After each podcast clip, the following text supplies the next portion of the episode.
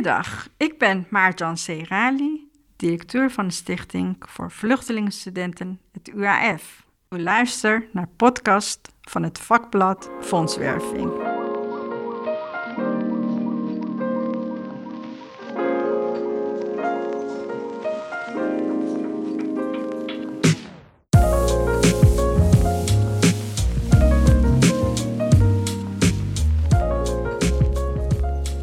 Is In Gesprek. Mijn naam is Petra Hoogwerf. Vluchtelingen brengen kennis en ervaring mee. Ze zijn vaak zeer gemotiveerd om zich te willen ontwikkelen. Bijvoorbeeld om een vak uit te oefenen of een studie te doen. Martjan Segali vluchtte zelf in 1990 met haar twee zoontjes uit Iran. Nu is ze directeur van het UAF. Het UAF zet zich in voor de ontwikkeling van gevluchte studenten en professionals en voor een integratie op de arbeidsmarkt. Dat doen ze samen met vrijwilligers, vluchtelingen zelf, donateurs en werkgevers. Fijn dat we hier mogen zijn. En we zitten hier ook wel in een bijzondere omgeving.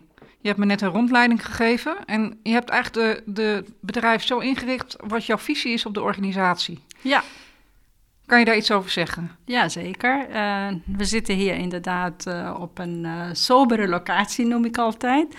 Het gaat er wel om wat we wel hier met elkaar willen bereiken. En eh, nou, mijn visie was, onze visie was, eh, dat we het wel eigenlijk naar een gebouw willen, dat het wel openheid, transparantie en toegankelijkheid uitstraalt.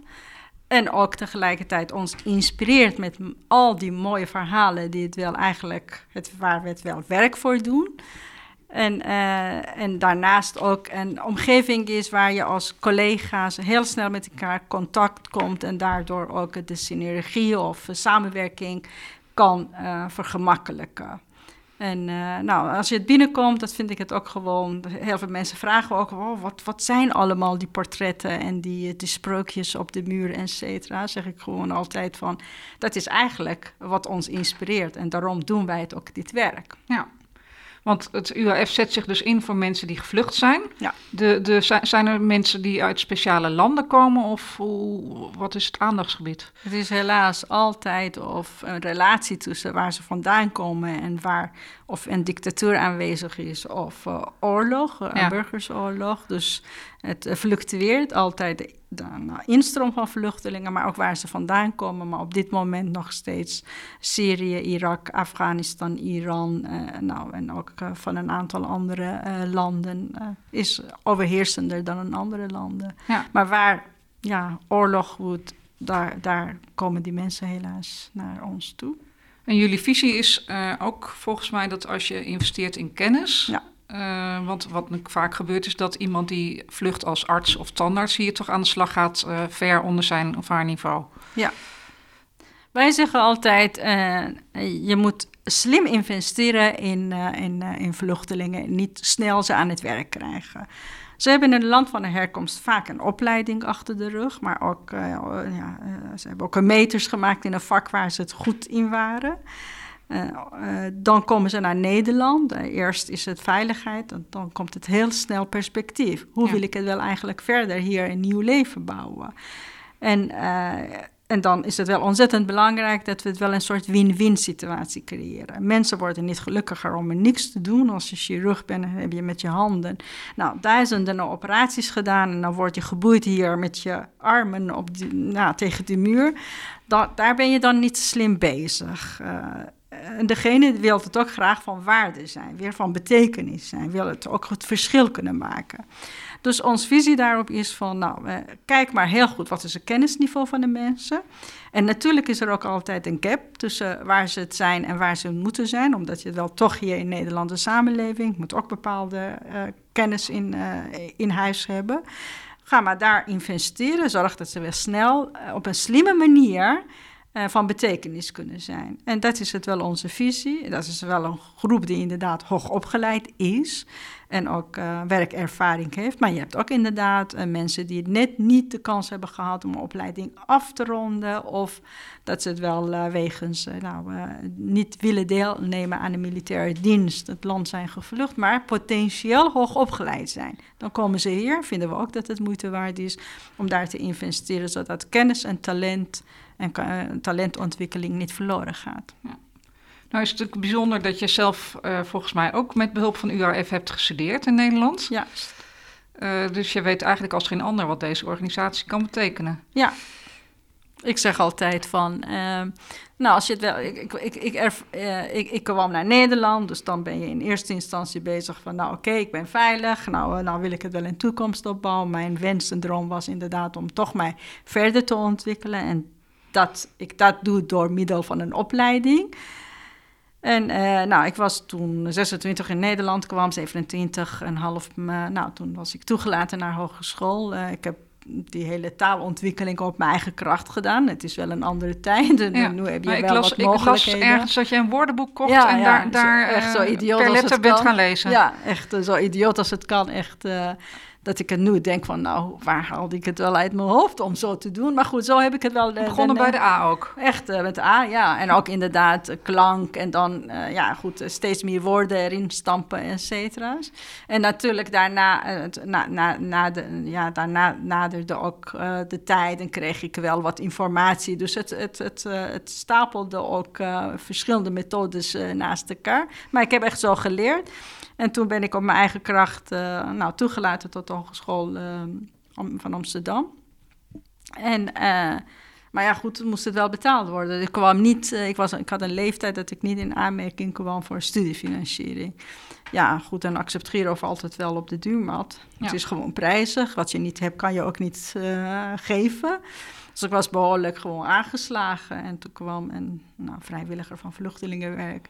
Toen zei hij, ja, nou goed, uh, je hoeft nu niet te treuren. Misschien gaat het, kan UIF jou helpen. Ik had het nooit eerder over gehoord. En zo heb ik het hier bij het UIF aangeklopt. En uh, nou, een paar weken later kreeg ik ook mijn, uh, mijn toestemming om te mogen studeren. Eigenlijk financieel hebben ze mogelijk, mij mogelijk gemaakt. En dat vind ik ook gewoon altijd nog steeds echt een uh, return naar een toekomst die mij perspectief kan bieden. Dus ik ben echt, dat, eh, is echt lotterij, dus dat vond ik het wel echt mooi. En vandaar zeg ik ook gewoon van, nou, het is zo mooi om te krijgen. Het is nog mooier om te geven, maar we moeten ook met elkaar heel erg kritisch kijken van wat geven we, waarvoor geven we. En niet zozeer van uh, dat het iedereen moet, uh, moet uh, een hele duidelijke plan hebben. Maar dat je het wel weet dat het wel met investeringen een bepaalde impact een verschil gaat maken. Ja. een van de redenen waarom ik ook nieuwsgierig was naar, naar, naar jou en ook naar het UAF is dat ja, jullie toch van een goed doel naar een ander type organisatie transformeren. Eigenlijk een soort sociale onderneming. Juist. Uh, maar aan de ene kant ook nog wel gewoon heel veel donateurs hebben en, en uh, fondsenopname en dergelijke. Dus jullie worden een beetje een soort ja, overgangsorganisatie, zou je kunnen zeggen. Wat... Ja, we, noemen, we zijn ook in transitie. Uh, en ik vind ook dat het wel ehm, nou, tijd voor is en was om inderdaad van een soort klassieke NGO, bij wijze van spreken, kijken van wat is jouw rol in de samenleving. En uh, ik zeg altijd van, nou, we zijn zeer dankbaar, want eh, de donateurs schenken ons rechtstreeks het geld. En zelfs niet via belastingsgeld, die we het ook deels van het ministerie krijgen, maar rechtstreeks. Dat betekent dat het wel zeggen van, nou heer, mijn ene euro, en maak het wel daar gewoon goed gebruik van. Dan, uh, en, er zijn ongeveer 23.000 donateurs? Uh, 26, uh, ja, dat fluctueert het altijd, maar zou, zou 25.000 particuliere donateurs.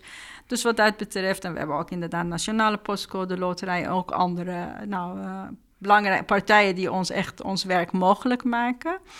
Uh, dus, uh, van NGO naar sociaal ondernemerschap, daar waar ik het ook heel erg in geloof, is van nou, oké, wat, wat, wat zou je ook kunnen betekenen met het geld en met, met, met het werk die je doet als verschil voor degene die dat nou, als begunstige daar gebruik van maakt, maar ook als een samenleving. Dus je moet wel heel goed kijken van wat is het maatschappelijke ontwikkelingen, hoe ga ik er daarop inspelen.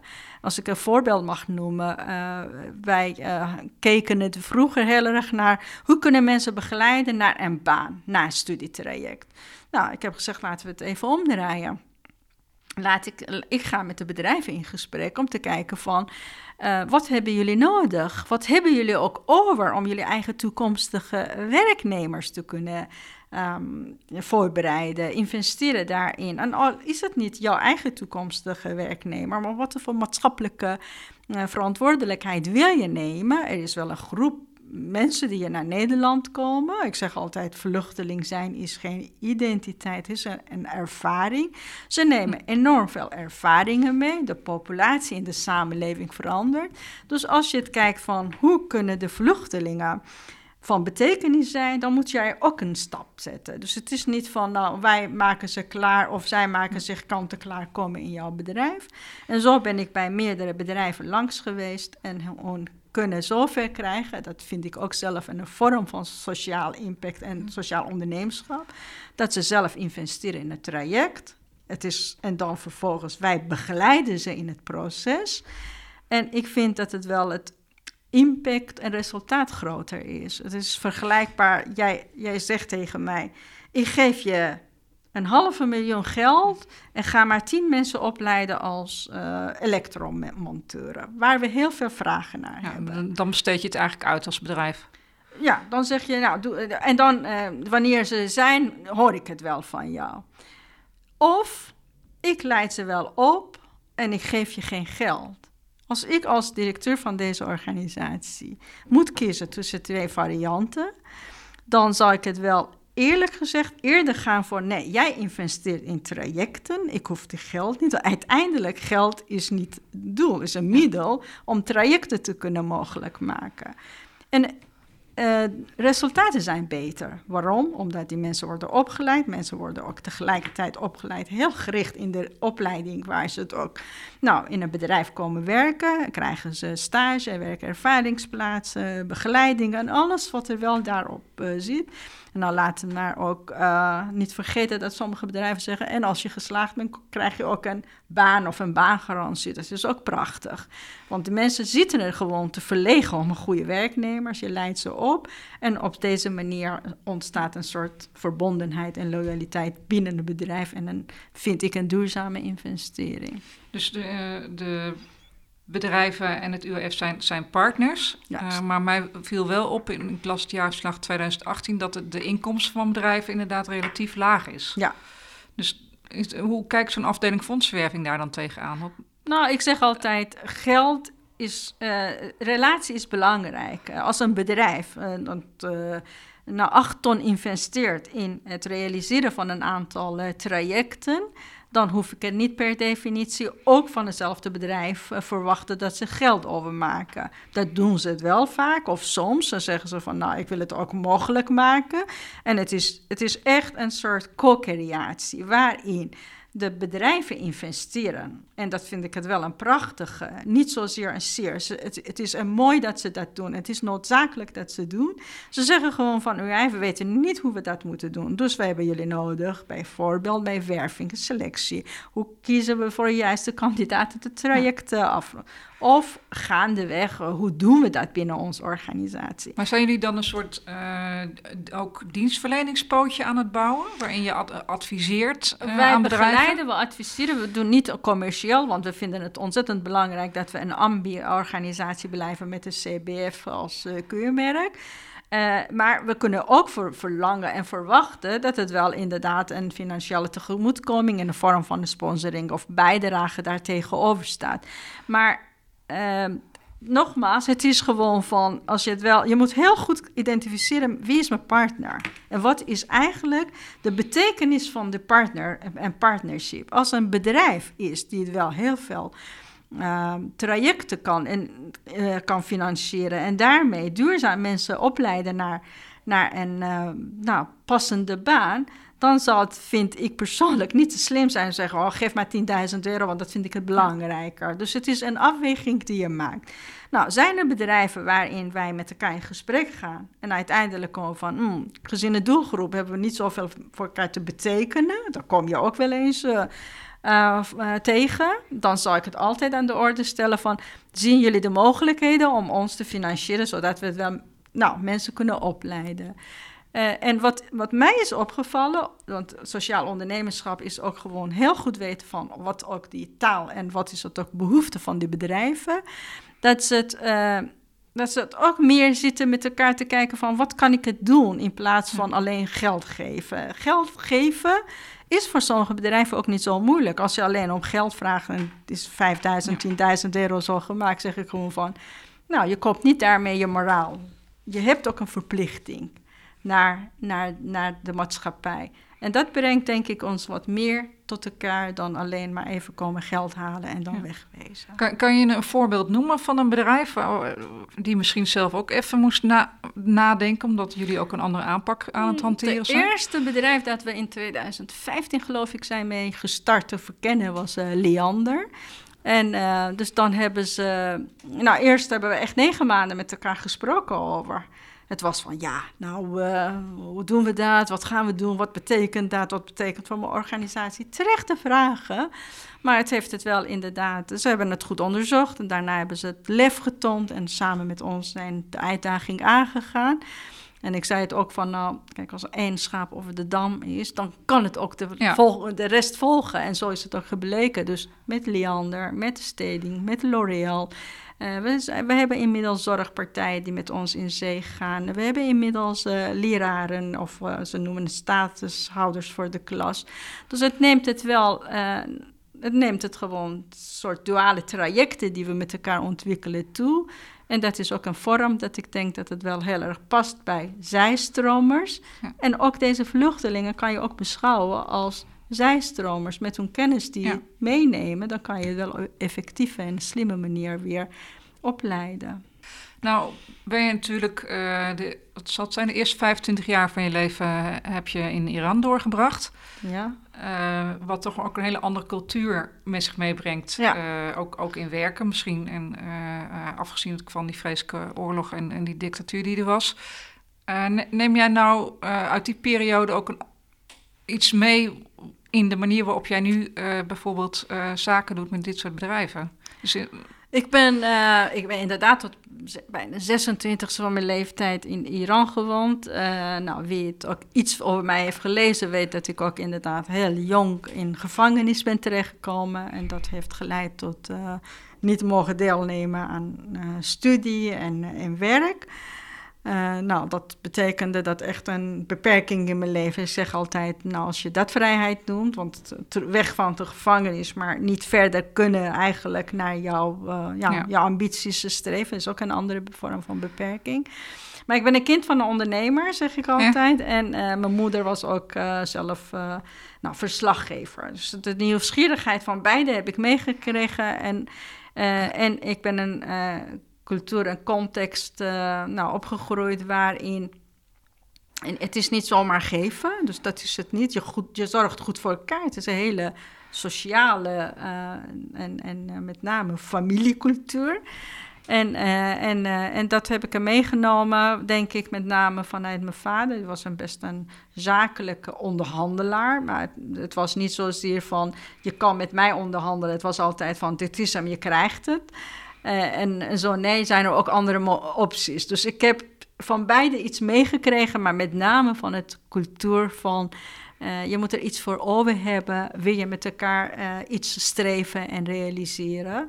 En die aspecten neem ik mee. En ik weet ook bijvoorbeeld, mijn moeder was altijd van, uh, nou, mijn tuin moet gedaan worden. En dan nou, kwam iemand die het wel, bij wijze van spreken, dakloos was. En dan mocht hij het wel even de tuin doen. En dan kreeg je het eten, mocht hij het wel even gewoon douche nemen en kreeg je het ook geld. Dus het was altijd voor wat en -en. hoort wat. Ja. Ja. ja.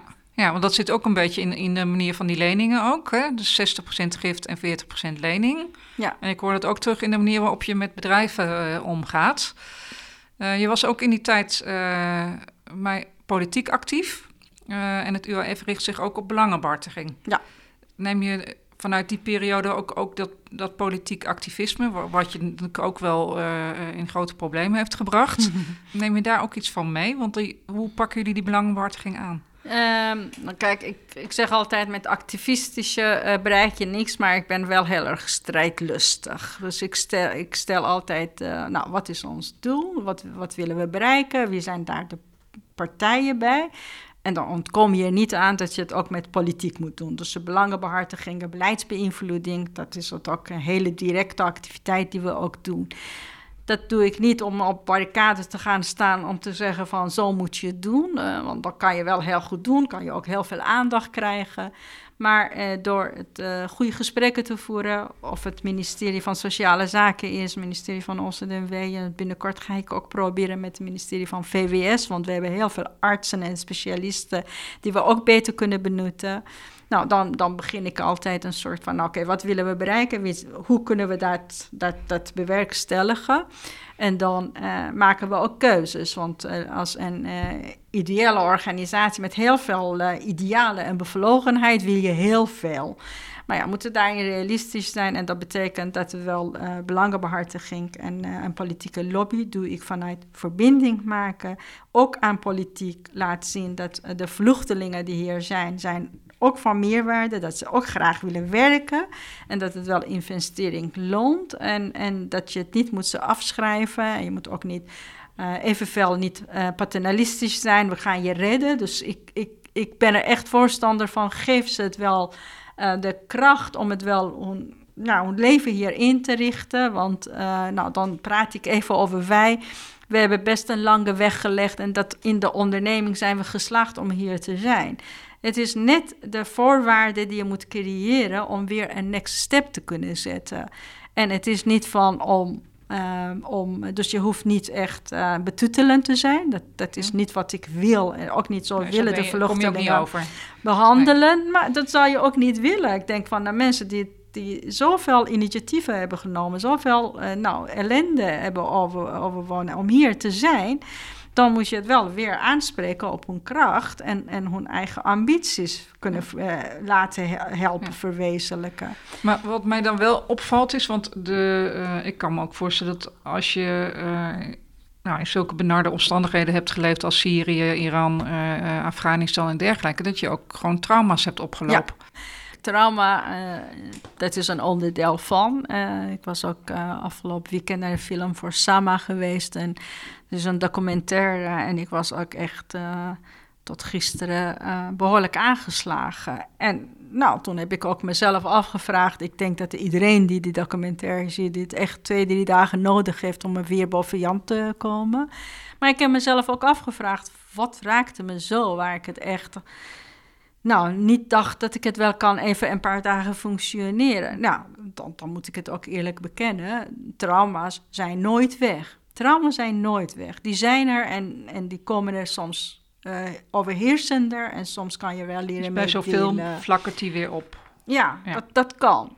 Dus mensen, mensen hebben een trauma opgelopen. Al is het maar hun uh, geliefde land en, en uh, geliefde allemaal achterlaten en hier opnieuw starten dat, daar moet je ook mee aan de slag. Het is ook een proces hoe je het omgaat met, jou, met jouw geschiedenis, met, jou, met alles wat je hebt meegemaakt. De ene heeft een hele lange weg, de andere kan er gewoon nooit uh, mee om. En, en, en sommige mensen kunnen een plekje geven en het door, uh, door het leven gaan. Het is, wij hebben ook als mens heel veel vierkracht en overlevingsstrategieën. Dus we zeggen het niet dat het niet is, ontkennen het niet als UAF, vinden het ook ontzettend belangrijk in onze intake en selectie en werving uh, die we doen, kijken we zeer zorgvuldig van uh, naar hoe zit jouw studiefitheid? Wanneer heb je voor het laatst gestudeerd? Uh, ga je wel een academische scholing wel halen, ja of nee? Daarbij kijken we ook zeker naar sociale aspecten. Nou, hoe ziet je familie hier eruit? Wat is je zorg? Uh, hoe is jouw psychische gesteldheid? En al, het is niet van de ene of de andere. Al de componenten maken we dan zeggen: ja, we geven je advies om dit en dat te doen, om die en die redenen. En uh, nou, komen we het wel extreme trauma's tegen, dan zullen we het wel zeker mensen adviseren om, nou, de eerste of tweede lijn hulp te zoeken. Daar zijn we niet voor, dat kunnen we ook niet. En je moet je nooit uh, begeven op een pad die, waar je niet uh, expert in bent. Dus wat dat betreft, we ontkennen het niet, maar kom je bij het UAF, ja, we verwachten dat je het wel studiefit bent om het wel het traject te kunnen afronden. Ja. Is het vandaag niet het juiste moment? Kom over een paar maanden. Ja. Nou, dat brengt mij dan op de. Ook uh, communicatie speelt ook een belangrijke rol. Uh, ja, bij, het binden van mensen en organisaties. Um, want welk verhaal zetten jullie nou dan centraal in de communicatie om. Nou, al die partners die jullie hebben, of het nou mensen zijn die een fonds op naam willen maken, of een nalatenschap of een uh, periodieke schenking. hebben jullie daar, daar ook een verandering in gemaakt van waar je het accent legt op, op het verhaal? Um, subtiele veranderingen in ons verhaal. We waren en we zijn nog steeds een storyteller. We hebben echt ontzettend veel mooie verhalen. Ik krijg iedere keer kippenvel als ik het wel lees en hoor. En, en de rode draad daarin uh, is altijd uh, drive, doorzettingsvermogen, ambitie, hoop en toekomst. Dus uh, nou, als je teruggaat in, in al die 70 jaar, komt altijd, komen altijd deze verhalen terug. Uh, wat, welke kleine, welke subtiele transitie we in onze communicatie hebben gemaakt, dat we het wel niet hebben over vluchtelingen, we hebben over gevluchte professionals, we hebben over, over mensen die het echt iets met zich brengen. En dat heeft zeker te maken met de visie van ja, UIF uh, anno 2020 staat voor niet de opgave om alleen mensen even onderdak te bieden tijdelijk, maar ze zijn gevluchte professionals, ze komen naar Nederland en ze hebben iets te betekenen. En wil je van betekenis zijn, dat is het ook de slogan die we hebben, van betekenis, is van um, jij hebt iets te bieden, maar ook als, als uh, een samenleving heeft er ook iets daarin te betekenen. Dus die, tweeën brengen, brengen we bij elkaar als gevolg wordt. En de impact van het werk die wij doen, denk ik, groter, maar ook het bereik groter. We zeggen niet van uh, aan onze trouwe donateurs, um, neem ons in een legaat, maar we laten het wel zien wat voor uh, nou, nieuwe leven iemand kan hier geven met middelen die het wel achterlaat. En daar geloven we ook uh, heilig in. Ja. En, welke accenten zijn er in de, in de fondsenwerving dan, uh, gezien al deze ontwikkelingen die we, die we nu hebben do, doorgenomen? Uh, de accenten is van niet alleen uh, studeren om te studeren is belangrijk bijvoorbeeld, maar dat we het wel ook van de studie uh, willen mensen wat meer perspectief bieden in een baan. Dat betekent dat we in de verhalen ook daar de betekenis van het hebben van een baan en een perspectief economische zelfredzaamheid ook centraal stellen. In onze benadering zijn we het inderdaad, uh, behalve dat we het wel ons richten op onze nou, trouwe donateurs, kijken we ook van uh, hoe kunnen we ook een nieuwe uh, mensen aan ons binden en al dan niet altijd in het geld. Uh, ik noem er wel van, we hebben allemaal als een goede doelenorganisatie te kampen met het binden van jongeren aan jezelf. Ja, jongeren hebben een andere geefgedrag. En, uh, en ook uh, de samenleving verandert en zij, zij, hebben ook een andere ja, visie op de samenleving. Dus wat wij eigenlijk uh, proberen is dat ook uh, nou, jonge generatie voldoende meekrijgt. En ook zodat het ook over 50 jaar, we blijven het gewoon de solidariteitsbeginselen door kunnen geven. Ze proberen aan ons te binden door het bieden van mentorschap. Dus je bent zelf student. Uh, vroeger was het wel van, nou, je bent afgestudeerd, hier krijg je een accept Giro, blijf trouwe donateur aan het UAF.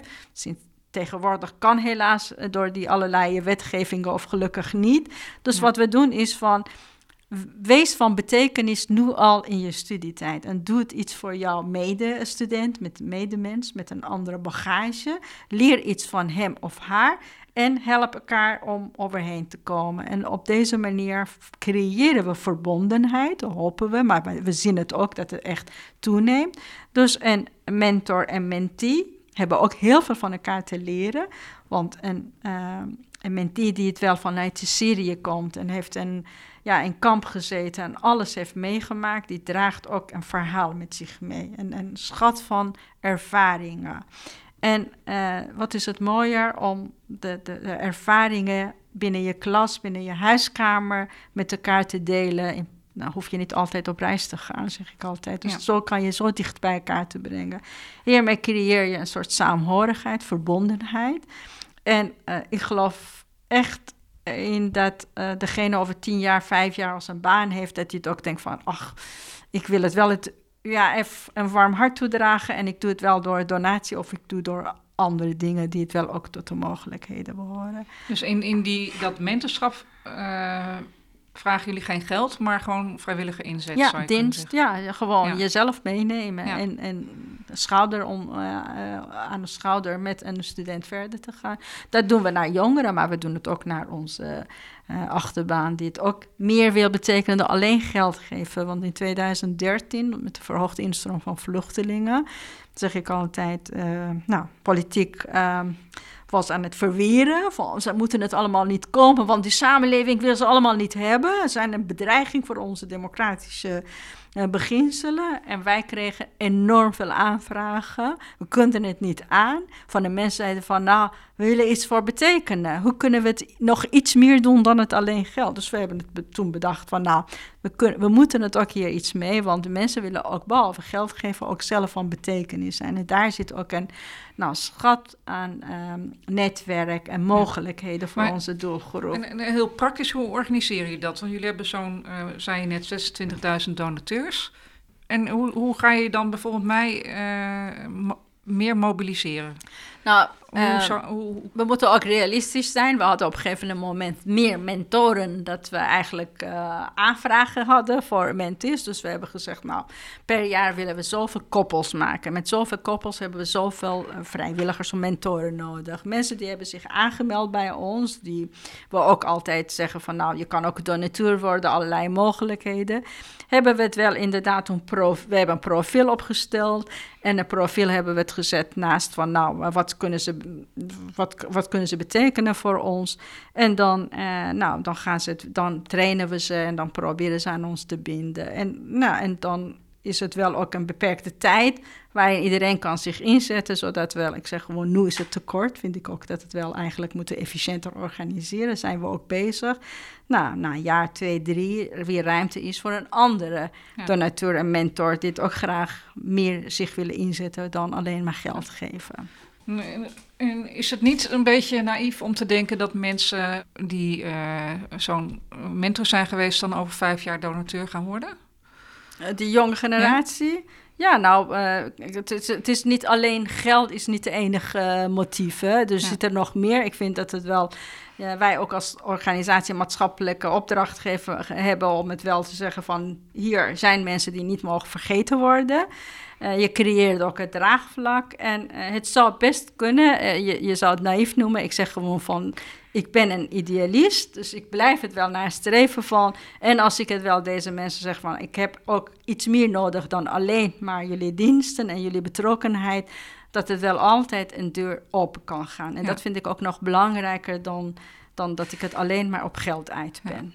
Ja, want de, de, je hebt natuurlijk een stroming binnen, binnen eh, de fondsenwerving die heel erg van de technieken is. Hè, van eh, het uitrekenen van retentie en, en eh, conversie en allemaal dat soort begrippen. Maar zie je dat dan ook nu al terug in de cijfers, in, Ja. in de groei? Ja, zeker.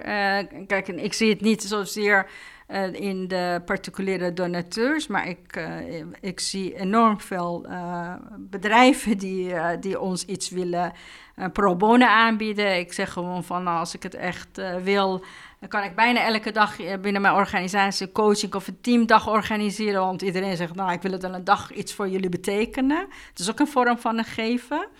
Eh, wij zien dat het eh, inderdaad eh, bedrijven steeds meer zich bij ons aanmelden. En dat is ook echt een mooie ontwikkeling. Ik zie dat het wel onze naambekendheid wordt groter, waardoor niet mensen ons zien als, ja, daar is het een NGO die het alleen maar helpt.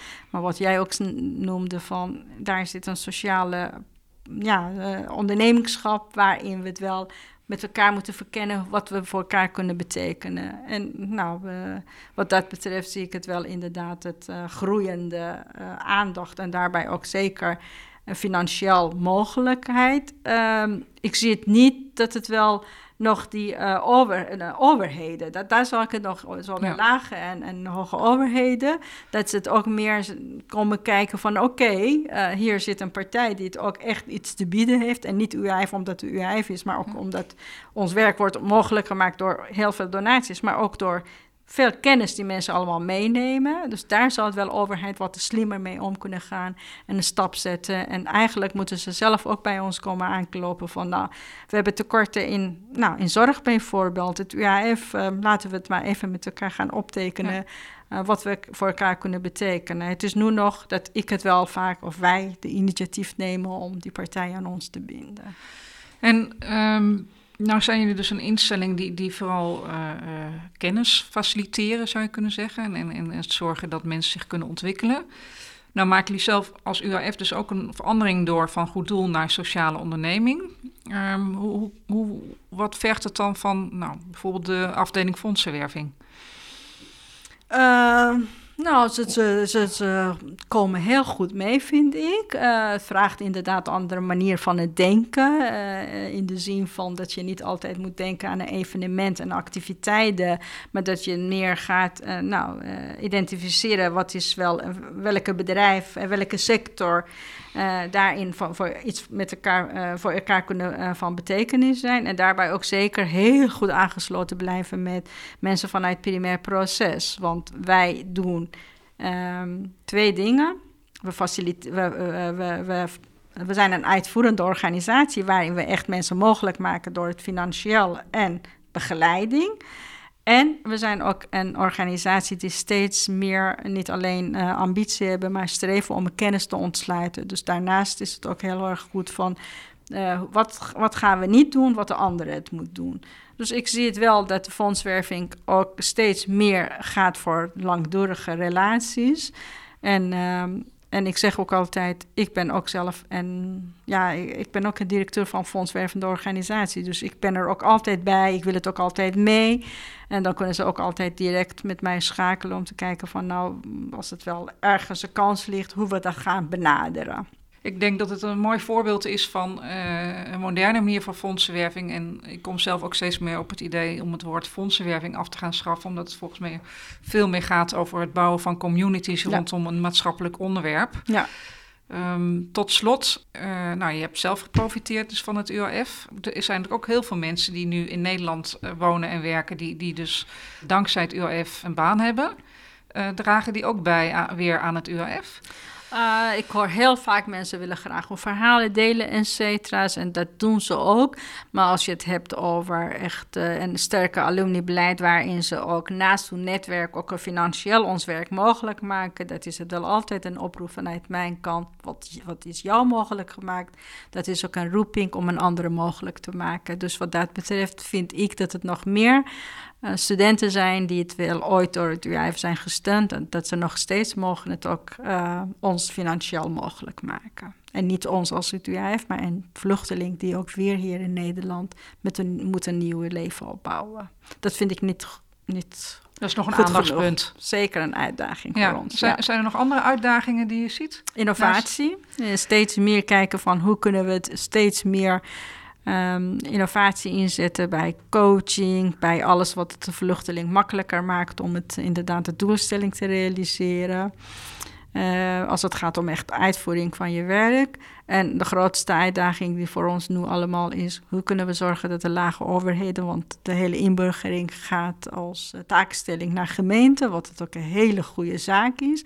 Maar hoe kunnen we met, met z'n allen zorgen dat de lage overheden niet kiezen voor snel naar het werk, maar slim en investeren. En ook de onderwijsroute waarin we heel erg ons hebben voor best gedaan om in wetgeving mee te krijgen, ook wordt gehandhaafd. Dus daar zit ook nog een uitdaging voor ons.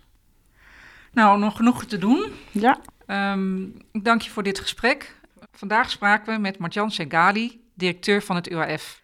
Ze ging in op de vraag hoe goede doelen zich kunnen transformeren tot sociale ondernemingen schaf een aantal voorbeelden uit de praktijk. En het belangrijkste is misschien wel dat haar visie op fondswerving is dat je relaties maakt en behoudt en vooral geïnteresseerd bent in de ander.